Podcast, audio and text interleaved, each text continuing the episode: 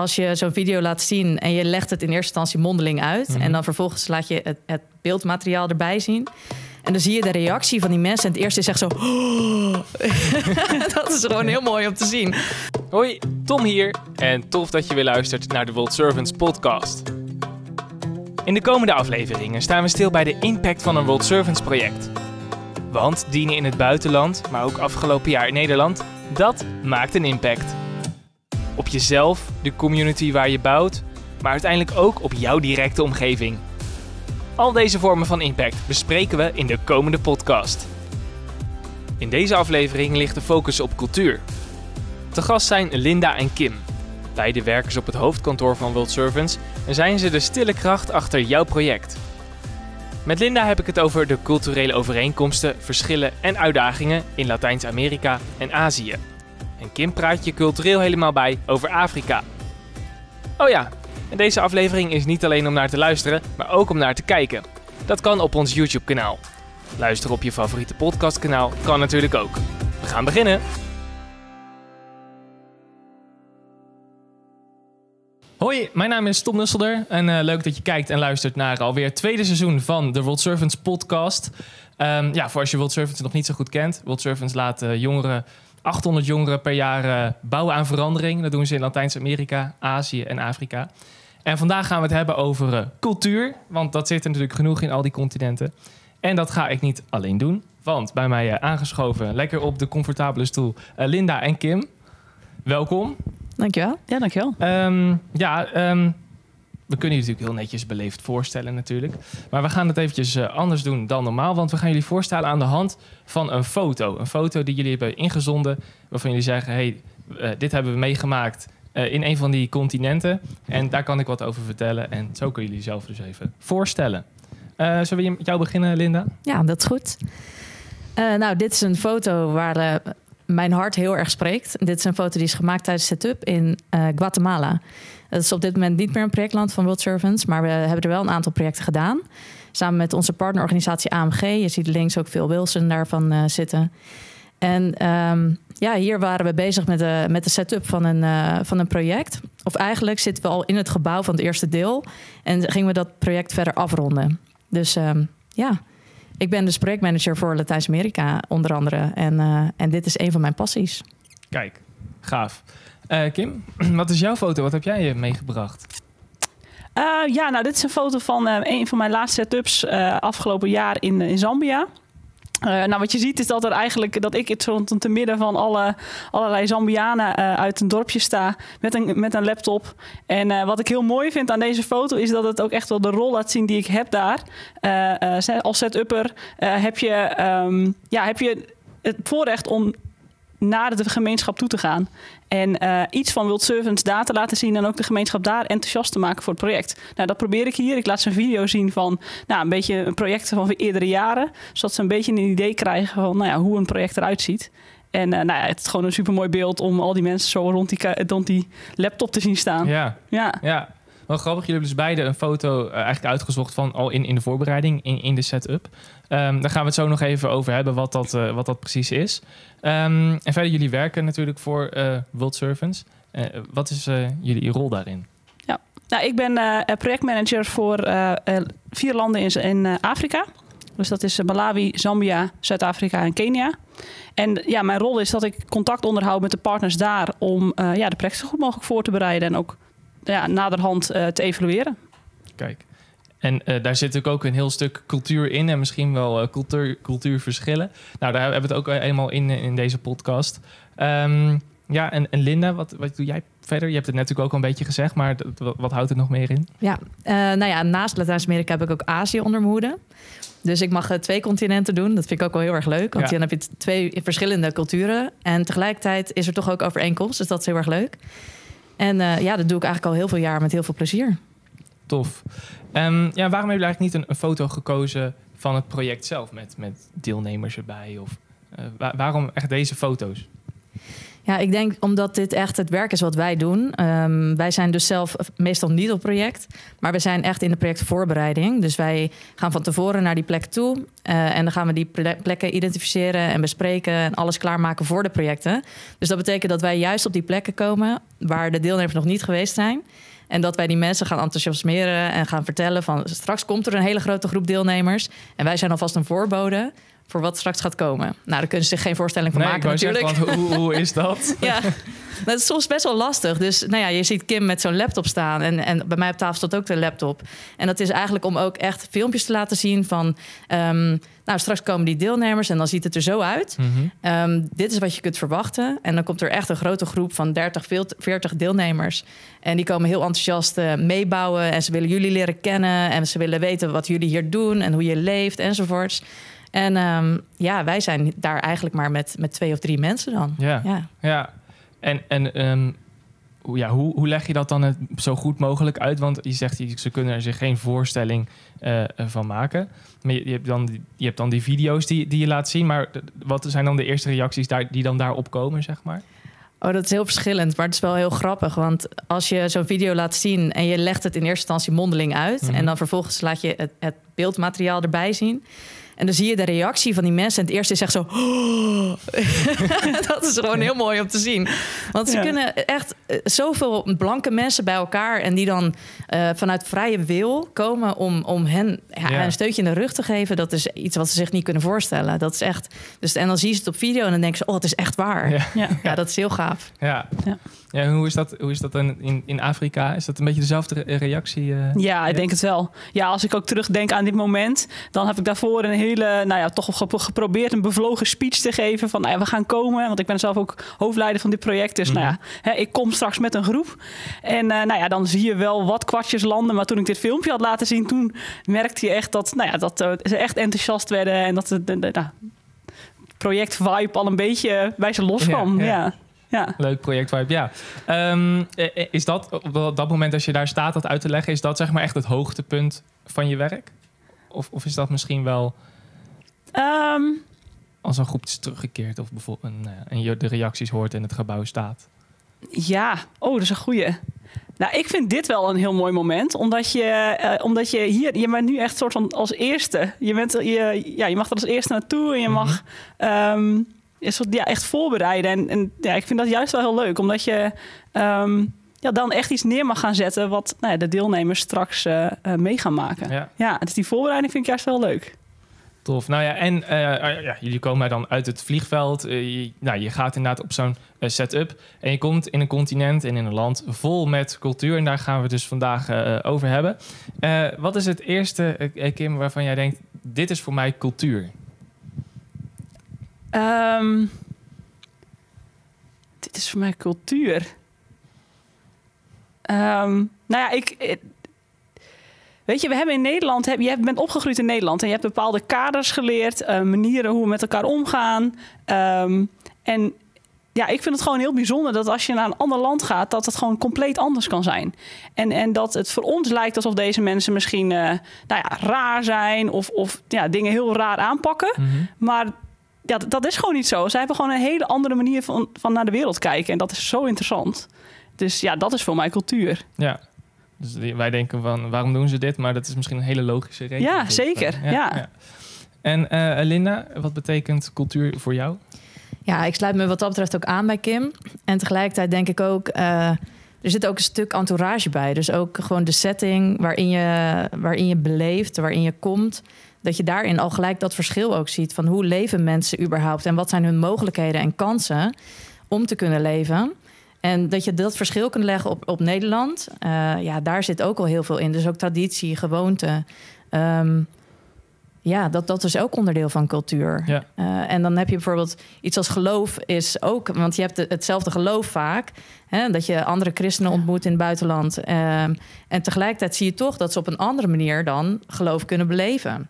Of dat ze soms ook dingen weer op een andere manier kunnen interpreteren. Omdat ze vanuit die andere context kijken. Daar kunnen we alleen maar uh, van leren wat dat betreft. Ja, zeker. Um, ja, World Servants is dus actief in drie continenten. Uh, Latijns-Amerika, Azië en Afrika.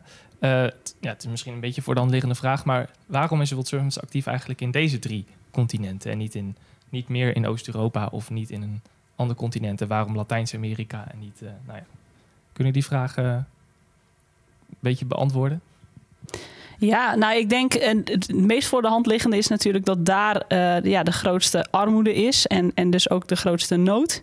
Um, maar ik denk tegelijkertijd dat het ook wel te maken heeft met dat dat, dat cultuurverschil daar ook het grootst is. En, en, en voor World Service is het natuurlijk niet alleen, niet alleen dat je um, bouwt aan verandering daar, maar het gaat ook om het bouwen aan verandering aan jezelf. En juist als het cultuurverschil het grootst is, ben je ook het meest, sta ik het meest open om, om verandering aan te gaan. En uh, ik denk juist dat die combi heel erg mooi is. Ja, en ik denk dat er. Nou ja, dat, het heeft verschillende factoren natuurlijk. Want je bent ook als World Service aan het kijken... waar kun je echt van betekenis zijn? Waar heb je goede partnerorganisaties? Waar kun je bijdragen op een lokaal programma? Um, kijk, en want zoals je, wat je zegt, Oost-Europa... waarom werken we daar niet meer? Het is niet zo dat daar geen armoede is. Mm -hmm. Maar soms spelen er ook weer andere factoren mee... waardoor je bepaalde keuzes moet maken... om in een ander land te gaan werken. En um, ja, dat zijn zoveel verschillende redenen dat het niet per se gaat om alleen maar waar is er wel of geen armoede of waar is er wel of geen uh, cultuurverschil. Maar ja, het kan ook zijn uh, subsidieregelingen of um, het werven van deelnemers. Uh, hoe is het programma van de partner? Dus er zijn zoveel verschillende facetten die daarin meespelen, dat je daarom je keuzes maakt. Ja, is dat lastig? Om, omdat uiteindelijk, um, als je een, een nieuw land in dit geval, is dat, is dat lastig om daar uh, iets helemaal op, op te zetten. Omdat je dan naar, naar al die facetten moet kijken. Is het deels aantrekkelijk genoeg? Kunnen we daar ook echt iets... Hoe, uh, hoe wordt dat beoordeeld? Uh, nou ja, lastig. Aan de ene kant is het lastig. Aan de andere kant is dat juist ook iets heel leuks van ons werk, denk ik. Omdat je de kans krijgt om even een land helemaal uit te diepen. Want je gaat ook kijken naar veiligheidssituatie natuurlijk. Want het moet ook veilig zijn. Dat is een van de grootste yeah. dingen waar we ook wel naar kijken. Um, en nou ja, dan ga je op zoek naar een partnerorganisatie die daar actief is. Die daar al een programma heeft. Uh, die ook een bouwcomponent heeft, zodat we daarbij kunnen dragen. Um, dat je kunt zien van hé, hey, maar als ze dan bepaalde projecten hebben, kunnen er dan überhaupt ook deelnemers komen? Want als het zo afgelegen is dat je er nou ja, niet kunt heen reizen, dan is het allemaal een probleem. Dus dan valt het eigenlijk al een project weer af. Dus zo heb je ook allemaal van dat soort kleine facetten waar je dan rekening mee houdt. En wat je gaat onderzoeken of het mogelijk is om daar een project te gaan uitvoeren. Ja. Ja, dat is eigenlijk een hele gedegen en grote voorbereiding wat dat betreft. Ja. Uh, dat is natuurlijk ook uh, jullie werk, dus dat is uh, heel tof. Um, ja, Kim, uh, even inzoomen op Afrika. Uh, ja. Je vertegenwoordigt Afrika eigenlijk. Ja, zo leuk. ja. Wat maakt Afrika voor jou nou zo bijzonder? Nou ja, Afrika is echt een, een cultuur van mensen. Echt de, mensgericht. Dus ja, dat vind ik echt geweldig. En als je daar komt, je wordt uh, eigenlijk altijd gewoon vriendelijk begroet. Mensen zijn altijd in voor een praatje. En um, ja, dat past gewoon heel erg bij mij als, persoon en, en, ja, bij mijn karakter. Uh, en um, ja, het is, het is zo anders, zo, ja, ook zo vrolijk, zo, nou ja, weet je, dansen. Je kent waarschijnlijk de beelden wel van televisie. Ja, dat, dat is gewoon zo. Mensen zijn, um, ondanks de omstandigheden waar ze in leven, kunnen ze zo, um, ja, zo met zoveel plezier en, en, en ja, vreugde uh, ja, de wereld tot hun leven tegemoet treden. En daar kun je alleen maar van leren. En hoe, hoe komt dat, denk je, dat, ze zo, dat dat zo in die cultuur zit? Nou, ik denk dat dat ook wel deels komt omdat ze heel erg mensgericht zijn. En in je familie blijft. Hè? En je, de mensen in je omgeving blijven. Dus als je daar je vreugde uithaalt, dan uh, is dat al heel anders dan wanneer je kijkt naar wat presteer ik of uh, wat heb ik. En ik denk dat dat in onze cultuur veel meer, uh, veel meer is. En dan, ja, dan kun je ook ontevreden zijn over, over wat je hebt en of wat je misschien niet kunt. Yeah. terwijl als je gewoon kijkt naar, hé, hey, maar dit is mijn leven en dit zijn de mensen waarmee ik mag leven, dan, um, nou, ik denk dat je dan met een stuk meer vreugde ja, je, je leven tegemoet kunt gaan. Dan zetten we dat enthousiaste uh, Afrika, dat dansende Afrika even tegenover uh, Azië.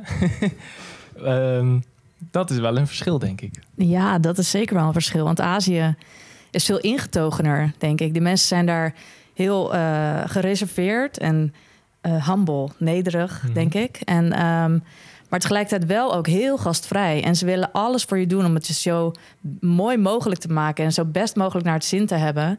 Um, dus uh, je krijgt ook inderdaad wel heel lekker eten. Je kunt echt cultuur proeven. Ze willen echt wel delen over zichzelf. Maar tegelijkertijd zijn ze heel bescheiden over wat ze over zichzelf zeggen of delen. Dat is eigenlijk ook wel heel erg mooi. Ja, Ja. ja. ja, zeker. Ja. Geen, En het eh, scheelt ook alweer per land. Want je hebt dan, hè, we werken Myanmar, Bangladesh, Nepal.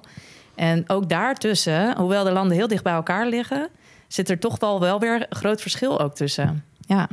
En wat voor verschillen, eh, wat zijn dat dan? Is dat, zijn het kleine verschillen of dat in een ander land ineens een gebaar iets heel eh, anders betekent? Of, Nou, ik denk dat als je bijvoorbeeld kijkt naar Myanmar, dat je, dat je dan al meer richting eh, echt het Azië van China en, en Japan gaat, zal ik maar zeggen. Dus echt die, die, dat stapje bescheidenheid zit daar heel erg in. En als je naar Nepal gaat, dan zie je daarin ook wel heel erg open cultuur wel weer. Dat daar mensen ja, sneller geneigd zijn om ook echt over zichzelf te vertellen en dingen te delen. Echt meer over hun cultuur eh, te laten zien. Dus daarin zit eh, best, wel, best wel een verschil. Ja. En eh, nou, ja, dan hebben we Latijns-Amerika nog over. Ehm, ja, ik heb altijd het idee dat die zit altijd een beetje tussen, tussen Afrika en Azië in qua wel een soort van een beetje kat uit de boom kijken, maar eh, wel, wel dat enthousiasme hebben als je eenmaal over die drempel bent. Maar ik ben er nooit geweest, dus eh, Tijd om een keer te gaan. ja, precies.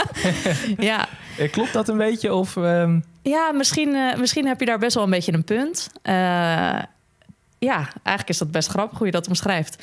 Ik denk, Latijns-Amerika is echt een smeltkroes van culturen. Ehm, als je zegt van wat is echt de officiële cultuur van Latijns-Amerika, ik weet niet of die echt nog bestaat in die zin, omdat het echt een, een samenvoeging is van culturen. Want je hebt natuurlijk eh, hè, in de tijd van, van de slavernij, er zijn heel veel mensen uit Afrika naar Latijns-Amerika gebracht om daar in slavernij dienst te doen. Maar die zijn daar blijven hangen en die hebben hun eigen cultuur meegenomen, hun eigen gewoontes. Eh, tegelijkertijd heb je dan de Spanjaarden, Portugezen die overkwamen, die daar zijn blijven hangen, die daar hun eigen cultuur vanuit Europa hebben meegenomen. En je hebt nog een heel groot deel inheemse bevolkingsgroepen die daar hun eigen cultuur vasthouden en dat in een mix gooien. Nou, dat is Latijns-Amerika. En dat is dus tegelijkertijd wat mij zo triggert en wat me zo, eh, ja, wat ik zo tof vind aan Latijns-Amerika, omdat het niet te vangen is in één beeld. En tegelijkertijd heb je wel een beetje gelijk wat betreft dat kat uit de boom kijken. Als, eh, het, het, je wordt minder enthousiast misschien ontvangen, zoals in Afrika, dat mensen echt staan te dansen en Mhm. helemaal uit hun dak gaan. Eh, dat heb je misschien in Latijns-Amerika wat minder. Maar tegelijkertijd, als je ze inderdaad leert kennen of je komt binnen en eh, je hebt even wat met elkaar gegeten en gedronken en eh, wat uitgewisseld van wie ben jij, nou dan gaat salsa muziek aan en dan wordt er zeker ook gedanst. dan komen de Nederlandse stijve heupel niet, er niet goed uit, denk ik. Ja, daar krijg je mooie beelden van. Ja. oh, mooi. Dan is het tijd voor de quiz. De enige echte.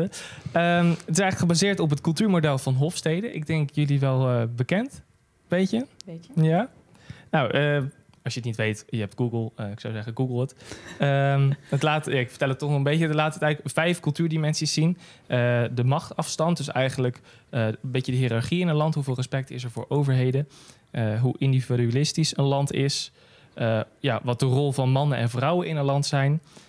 Het lage tegen het korte, hoge, eh, laag tegen hoge onzekerheidsvermijding. Dus eh, ja, hoe, eh, hoe stressvol een situatie is, want de situaties kunnen veranderen. Dus nou ja, ga je dan wel of niet iets aan. En uiteindelijk kort tegen eh lange termijn gerichtheid. En ik heb eh, drie landen uit drie verschillende continenten naast elkaar gezet in dat Hofstede-model. En dan kreeg ik allemaal hele mooie grafiekjes. En, en eigenlijk jullie de, de vraag van hoe, ja, hoe hoog scoort het land op bepaalde zaken die ik net eh, vertelde. Ik heb eh, Bangladesh, Bolivia en Zambia naast elkaar gezet. Ehm, en eh, aan jullie dus de vraag welk land is het hoogste. En ik noem zo meteen gewoon een vraag. En dan moeten jullie eigenlijk gewoon zeggen van welk land jullie denken dat het hoogste daarop scoort. Oké. Ehm, welk land heeft het meeste respect voor de overheid en organisaties met macht? Is dat Bangladesh, Bolivia of Zambia? Denk Ik denk Bangladesh. Bangladesh, ja. ja. En wat zouden jullie daarna zeggen? Zambia, denk ik. Ik denk, eh, ja, respect voor de overheid. Ja, misschien wel Zambia. Nou, Bangladesh hebben jullie inderdaad goed. Die scoort 80 punten op, op de schaal van 100. Daarna Bolivia, Hm. maar met 78. Dus dat scheelt Oh, helemaal oh, niet zo heel Dat scheelt veel. bijna niks. En Dat Zambia... respect hebben voor de. Nee, is dat in Bolivia, eh, komt het niet zo over? Dat ze... Nou ja, kijk, Oh, eh, eh. ze hebben daar net eh, een president, of net, maar eh, de president afgezet Ja. en overgenomen. En ja. eh, eh, eigenlijk zijn die, die, ja, weet je, in Bolivia is macht wel een groot ding. Dus de overheid heeft graag de macht, heeft graag voor het zeggen. Eh, en de mensen moeten er naar luisteren, want anders zijn er consequenties. Dus misschien zit dat er meer in dan dat het dan echt respectvol Hm. is. Nou ja, ja, het kan twee kanten op. Ja, oké. en daarna eh, Zambia met eh, 60 punten op de schaal van 100. Yes. Eh, dus eigenlijk eh, 1-1. Eh, in welk land is men het meest individualistisch ingesteld? Is dat Zambia, Bangladesh of Bolivia? Ik, ik, ik, eh, Ik neig weer naar Bangladesh. Maar dat komt, omdat- ik, ik ken de cultuur van Bangladesh niet heel goed. Dus dat is echt vooroordeel dan. Ja, lastig. Ik, ik denk dat Bolivia ook wel op één zou kunnen staan. Oké. nee, dit beide fout. Oh, echt? Is Ja. het Zambia? het is Zambia. Nee. Ja. Volgens het eh, Hofstede-model 35 punten op de schaal van 100. Oh, Eh, wat Bangladesh interessant. 20 en Bolivia 10. Goh. Ja. Oh, dat had ik echt niet verwacht. En eh, ja, Nederland? Ja, Sport, zo Ja, hoog. die eh, vet hoog. Bijna Ja. 100. 80, ja. Ja, precies. Ja. Ja. Ja, Ja. zijn, eh, Oh, echt? Nou, dat vind ik echt oké, heel bijzonder. Ja. Goed. Ja. Ga ik even induiken. eh, dan masculien en eh, feminien. Dus eigenlijk, eh, welk land is het meest mannelijk ingesteld? Bolivia. Ehm, ja, jij zegt heel snel Bolivia? ja, dat denk ik wel. Oké. Ja. Ja, die macho cultuur misschien Ja, een beetje, ja. Ja, ga je voor hetzelfde? Ja, nu, nu kun je nog een gat slaan. natuurlijk, hè? precies. Je Ja, nee, ik zit even na te Dan, eh, Ehm, ja. Ik vind dat gewoon heel lastig. Want ik denk, ja, eh, als je naar Afrika, naar Zambia kijkt... dan denk ik, ja, daar hebben mannen uiteindelijk wel het hoogste woord. Maar als je stiekem echt in de gezinnen kijkt... dan hebben vrouwen heel veel te zeggen. ja, maar is dat niet eh, het leven? Ja, misschien ook wel. Misschien ook wel. Twee vrouwen hier, hè? Op de... Nee, maar ja, goed. Ik, ik, ik, ja, nee. Ik hou me even stil. eh. Ja, doe dat maar. Ehm, maar ja, nee, ik zie, nee, ik zie daar ook al veel vrouwen weer op, op hogere posities staan. Nee, dan ja.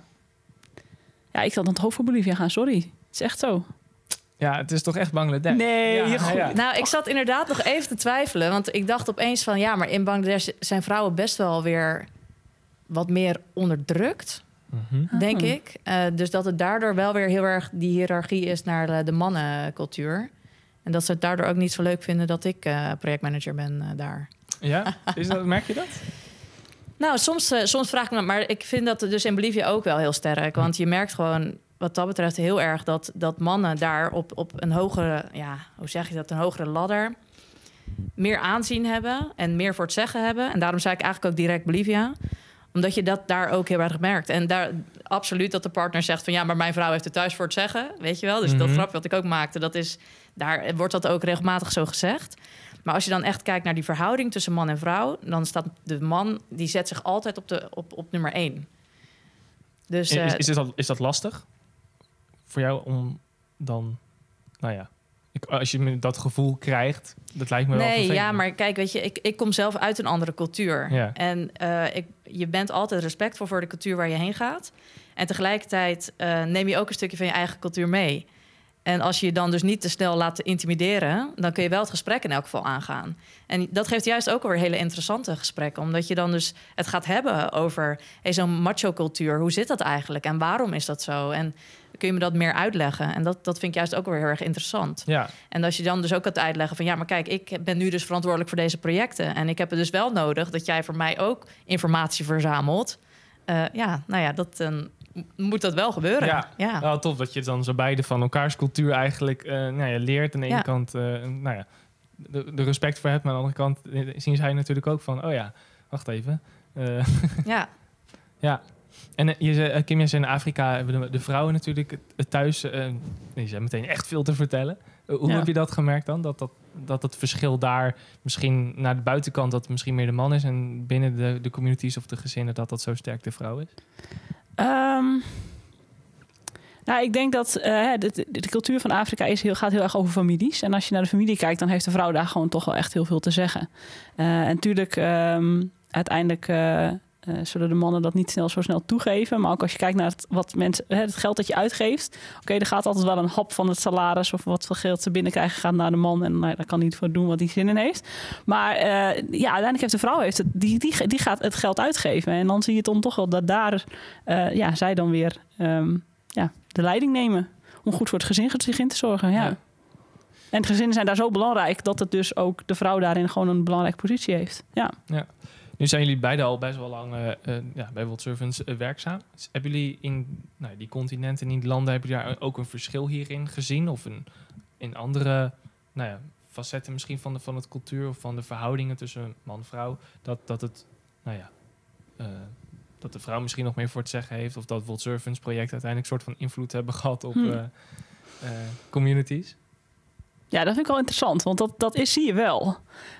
Ik, altijd als, ik, als wij ehm, eh, naar een project teruggaan waar ze net geweest zijn, waar net een groep is geweest, dan stellen we ook die vraag van eh, hoe is het geweest? Hoe was het, in, eh, het contact met de deelnemers en wat heb je daarvan geleerd? En ook een paar jaar later komen we weer terug, stellen we weer die vraag. En eigenlijk bij elke gemeenschap waar we langs gaan, krijg je het antwoord terug van het was zo bijzonder dat mannen en vrouwen eh, hetzelfde deden. Dat, dat vrouwen ook op de bouw stonden. En dat zij ook gewoon eh, ja, eigenlijk hetzelfde konden als de mannen. En eigenlijk de vrouwen die geven dan ook terug van ja, dat heeft ons wel geïnspireerd om ook, te la- om ook ja, voor onszelf te weten. Van wij kunnen ook meer dan we misschien zelf denken. Ja. Ja, Ik zat nog in de voorbereiding daar te denken over deze vraag. En toen dacht ik, eh, is het... Ja, dit klinkt misschien wat negatief ingesteld, maar zo bedoel ik het niet. Wij, wij gaan erheen drie weken, zeg Mhm. maar. Je laat inderdaad zien van hoe wij eh, vanuit onze cultuur dat gewend zijn. Ehm, die vrouwen denken ook, oh, oh hey, wacht even. eh, we kunnen meebouwen. Die mannen denken eerst ook, wat, wat gebeurt hier? Dat is altijd een beetje het, het verhaal wat je Mhm. natuurlijk hoort. Daarna gaan wij weer weg. Eh, ontwrichten we daarmee niet een beetje die cultuur van nou ja, bewijs dat die vrouwen daar in opstand komen en dat, dat het daar een soort van reuring brengt? Ehm, nou, ik vind het wel een goede vraag. Nou, ik, ik, ja, ik denk niet dat dat, dat dat per se het geval is. Ik denk, wel, ik denk dat het goed is. Nou ja, dat, ik ben ook een vrouw, dus misschien dat ik dan ook een beetje vanuit mijn vrouw zijn spreek. Dat het goed is dat vrouwen ook wel zien van... hé, hey, maar dat, eh, hoe kan het? Hoe kan het ook? En ik, dat, dat, dat vrouwen ook het idee krijgen van... hé, hey, ik heb ook talenten, die mag ik inzetten. En dan hoef je niet boven de man te gaan staan. Of, hè, maar, maar dat je je niet gedrukt voelt in jouw rol als moeder of als, nou ja, en dat je, dat je echt ook zelf kunt nadenken van wat kan ik? En ik kan zelf ook een heleboel bereiken voor nou, mijn familie, voor mijn gemeenschap. Ehm, dus ja, ik heb nog niet gezien dat het dusdanig ontwricht werd of dat je ineens opstandige mannen kreeg of zo. Eh, nee, dat, dat heb ik niet gezien. Nee, heb ik ook nergens gehoord hoor, maar ik zat me gewoon ineens eh, Ja, over na te denken. Eh, we waren nog bezig eh, met de quiz, je zou het bijna vergeten. Ehm, het staat nog steeds eh, 1-1. ja. Ehm, we hebben nog twee vragen te gaan, dus eh, nou ja, er is nog eh, van alles te winnen. Eh, onzekerheidsvermijding. In welk land is er de meeste angst voor onbekende situaties? Is dat Bolivia, Bangladesh of Zambia? Oei. Ik vind dit echt een hele Ik vind het ook een hele moeilijke, ja. Zekerheidsvermijding. Ik denk dat ze in Bangladesh moeilijk met onzekerheden om kunnen gaan. Ja. En dat ze daar dus wel heel erg zijn van de regeltjes en de eh, structuren, vastigheid. Ja, ik zou voor Bangladesh gaan. Oké. Ja, en dan ga ik toch een keer een ander land kiezen. Dus eh, we gaan het spannend maken. Ik, ik zou denk ik dan Zambia kiezen. Niet omdat ze niet om kunnen gaan met, met dingen die anders gaan. Maar dat ze, ik denk dat ze wel heel erg in hun eigen wereldje blijven. eh, en daardoor niet, hè, d- dat ook niet opzoeken. eh, het, het, het andere. Ik denk dat dat dat een beetje de onzekerheidsvermijding is. Ja, ja, het is dit keer Bolivia. Met best, best een groot verschil ook. Eh, Bolivia scoort 87 punten. Dus dat is echt gigantisch hoog op, eh, nou ja, op eigenlijk nieuwe situaties niet, niet aandurven. Omdat de situatie steeds eh, verandert. Of, je zei het eigenlijk net al een beetje, Linda. Met, over het respect voor de overheid. Mhm. Omdat, nou ja, ze hebben daar nu dan, die zijn net de, machten afgezet. En dat er best wel wat angst en zo is. Nou, dat kwam volgens dus dat model van Hofstede heel erg terug in, in de onzekerheidsvermijding. Hmm, interessant, want eh, Bolivia is ook een land waar altijd, wel, ik noem het altijd een tikkende tijdbom, omdat mensen altijd stel op sprong ehm, opkomen voor hun rechten en voor hun manier van, eh, Hmm. weet je wel, en dat ze op die manier, ja, nou ja, je kan zeggen dat dat misschien dan ook vanuit onzekerheid is dat ze er geen verandering willen, zou kunnen. Ja, Ja, ik vind het heel interessant. ja nou, anders maar een brief schrijven naar uh, Hofstede van eh, wat is dit? Hoe zit dit? Ja. ja, daar ga ik eens verder over nalezen. Ja. Ehm, ja, en dan... eh, ja, het, kan nu natuurlijk nog gelijk worden. Maar eh, welk land is het meeste bezig met de lange termijn? Is dat Bangladesh, ehm, Zambia of eh, Bolivia? Ik durf niks meer te zeggen. nou, het is niet Zambia, denk ik. Uh, dus dan zal het een van de andere twee moeten zijn. Um, nou, dan denk ik, ik denk dan toch Bangladesh. Het is een gevoel, mm want ik, ik, heb, ik kan het niet onderbouwen. Nee, de, de lange termijn. Ja. Ja. Ja, ik weet niet. Als ik, uh, als ik gewoon even aan de coördinatoren denk, aan Soeren en, en aan Carlos, dan, uh, dan zijn dat allebei op zich wel mannen die nadenken over waar, waar het naartoe moet gaan. Uh, ja, dat heeft moeten. Of, ja, dat wat, ze, wat ze voor ogen. Ja, ja precies. Ja. Dus dat is misschien ja. representatief voor het hele land. Nee. Um, ja, interessant. Ja, dan kan ik Bangladesh zeggen, maar dat heb jij al gezegd. Dan zeg ik Bolivia. Nou, dan hebben we een winnaar. Kim heeft gewonnen. Ja, het was Bangladesh. 47 punten op de schaal van 100. Daarna Zambia. Oh. Met 30. En dan Bolivia met 25 Hm. punten op. Uh, Maar ja, dat is inderdaad ook het mooie. We werken samen met uh, hele goede partners die inderdaad goede visie en uh, gerichte plannen hebben. Dus ja. nou ja, wat dat betreft, het ook niet helemaal gaat meten voor de rest van het land. Nee, zeker maar, niet. uh, ja, leuk. Dit was even een inzichtje in het land. Vind je dit nou interessant? Het heet dus het, het cultuurmodel van Hofstede. Dus google dat vooral, zou ik zeggen. Uh, ja, over Bangladesh gesproken. Uh, Henry, jullie uh, een collega, die, die sprak deze week nog met de coördinator van Bangladesh. Die heet Su Suren. Suren. en die vertelde ook iets over de cultuur. En nou, we gaan er even naar luisteren en kijken. So, Suren, how, how would you describe your culture? We are Bangladeshi mm -hmm. people in Bangladesh, but there are some other ethnic groups but most people are Bengali, mm-hmm. and uh, we have different religions. We like to sing songs, and we like to, like to live together. Actually, mm. uh, like fish very much. Uh, area all over the country, and the cultures, many cultures based on uh, agriculture. Uh, mm. Like we have uh, food festivals during after after harvest. we have also culture we New Year Day, and what we celebrate together. All Bengali people, including all religions, and we we actually um, help each other and we, we accept uh, this uh, though there are some uh, religion differences mm. yeah. and yes there are some differences between different religion but we we actually live together peacefully mm.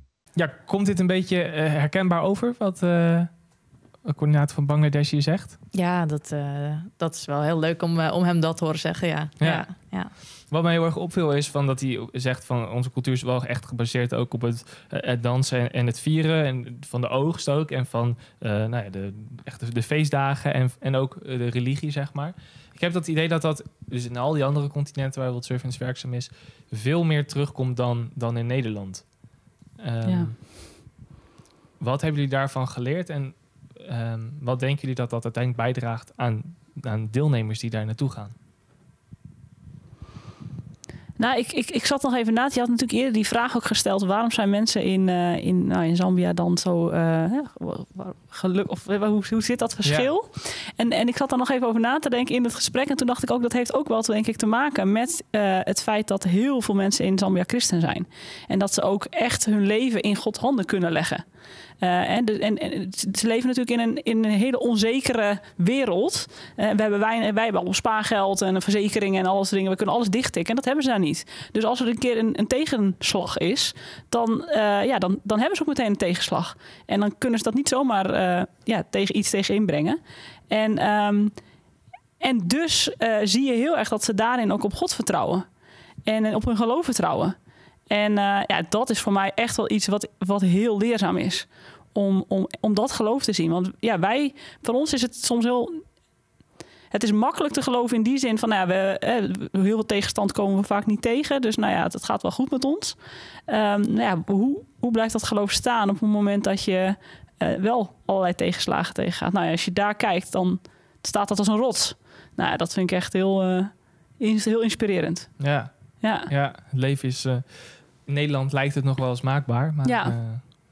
Nou, zijn we dat nu denk ik wel een beetje al tegengekomen dat dat niet helemaal waar is. Maar eh, nee, dat is wel, ja. ja, Maar merk je ook niet dat er nu dus meer mensen gaan bidden? Juist omdat het soms moeilijker wordt. En je merkt dat in moeilijkere tijden mensen leren bidden. Ja. Dat is dan toch wel weer het geval. Ja. ja. En hoe is dat in, in Azië? Iets, dat zijn natuurlijk wel iets minder eh, chri- christenen daar. Ehm, maar die zijn natuurlijk ook weer vanuit hun eh, eh, religie daar eh, nou ja, bezig om hun... Ik heb altijd het idee, die zijn ook altijd heel erg, hoe ga ik dat zeggen? Eh, ja, zinvol, of met zingeving hun leven aan het inrichten. Ja, nou, dat is zeker waar. En ehm, je merkt in, in Azië dat er eh, wel meer christenvervolging is. Ehm, en dat is dus weer een hele andere tak. Eh, ik was in Nepal en dan, dan hebben we daar contacten met de, de pastor...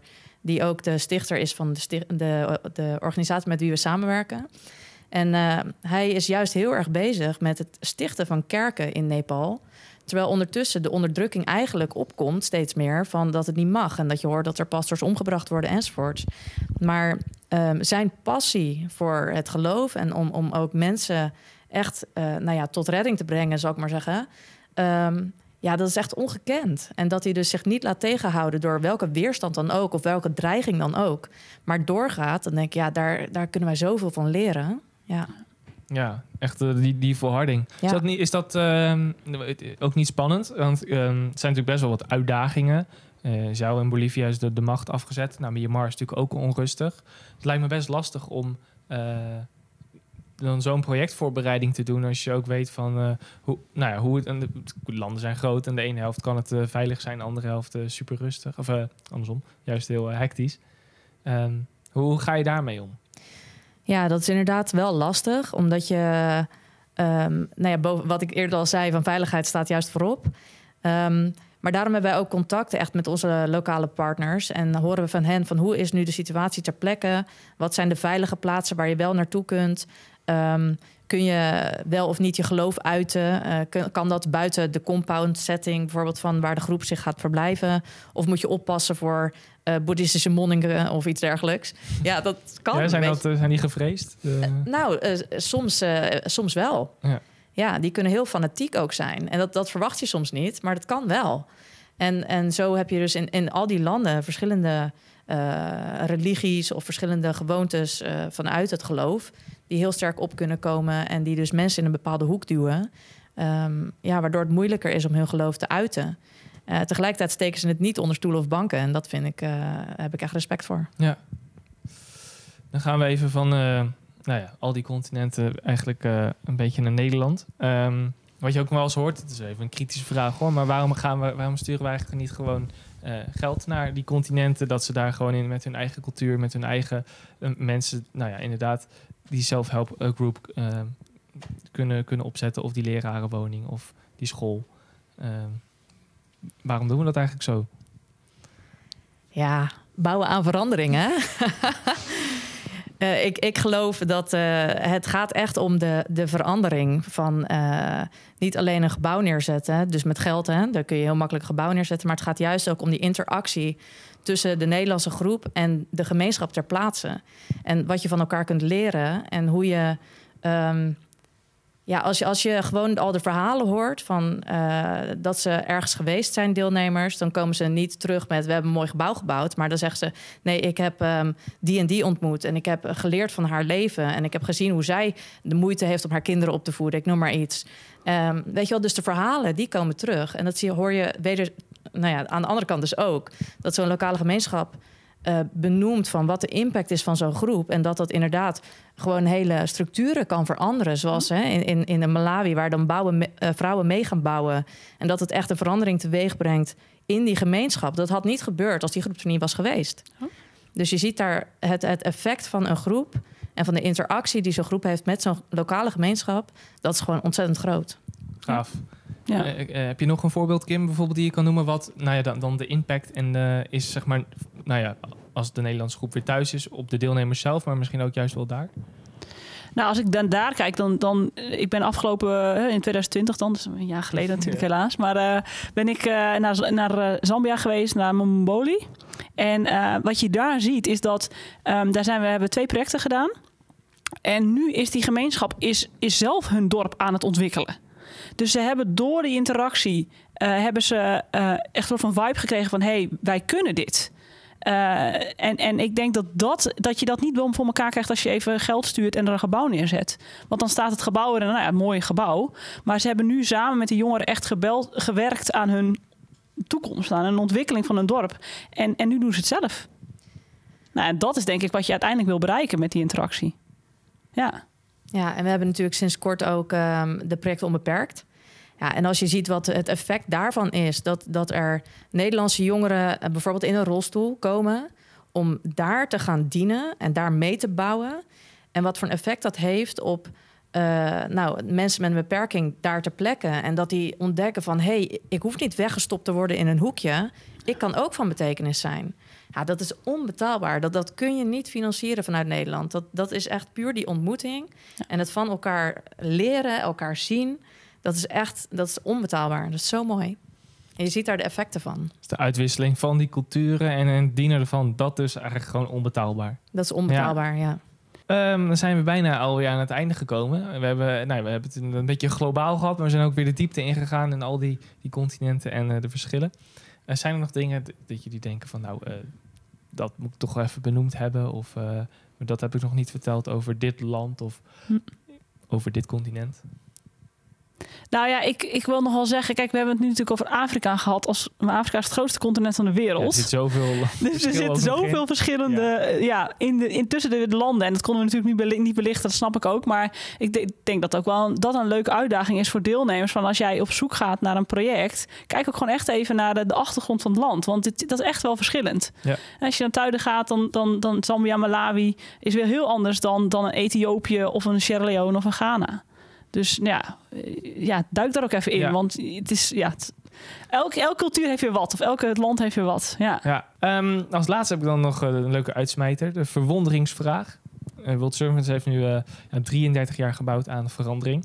Maar wat is voor jullie nou het leukste projectland... of de leukste ervaring die jullie hebben gehad in, uh, nou, in jullie werk... of in de landen waar jullie zijn geweest? Nou, ik zit even na te denken. Ik... Um uh, dit is niet van een projectervaring. Ik, ik heb zelf ook in, uh, in, in Afrika gewoond. Dus ik kwam daar toen na een jaar weer terug.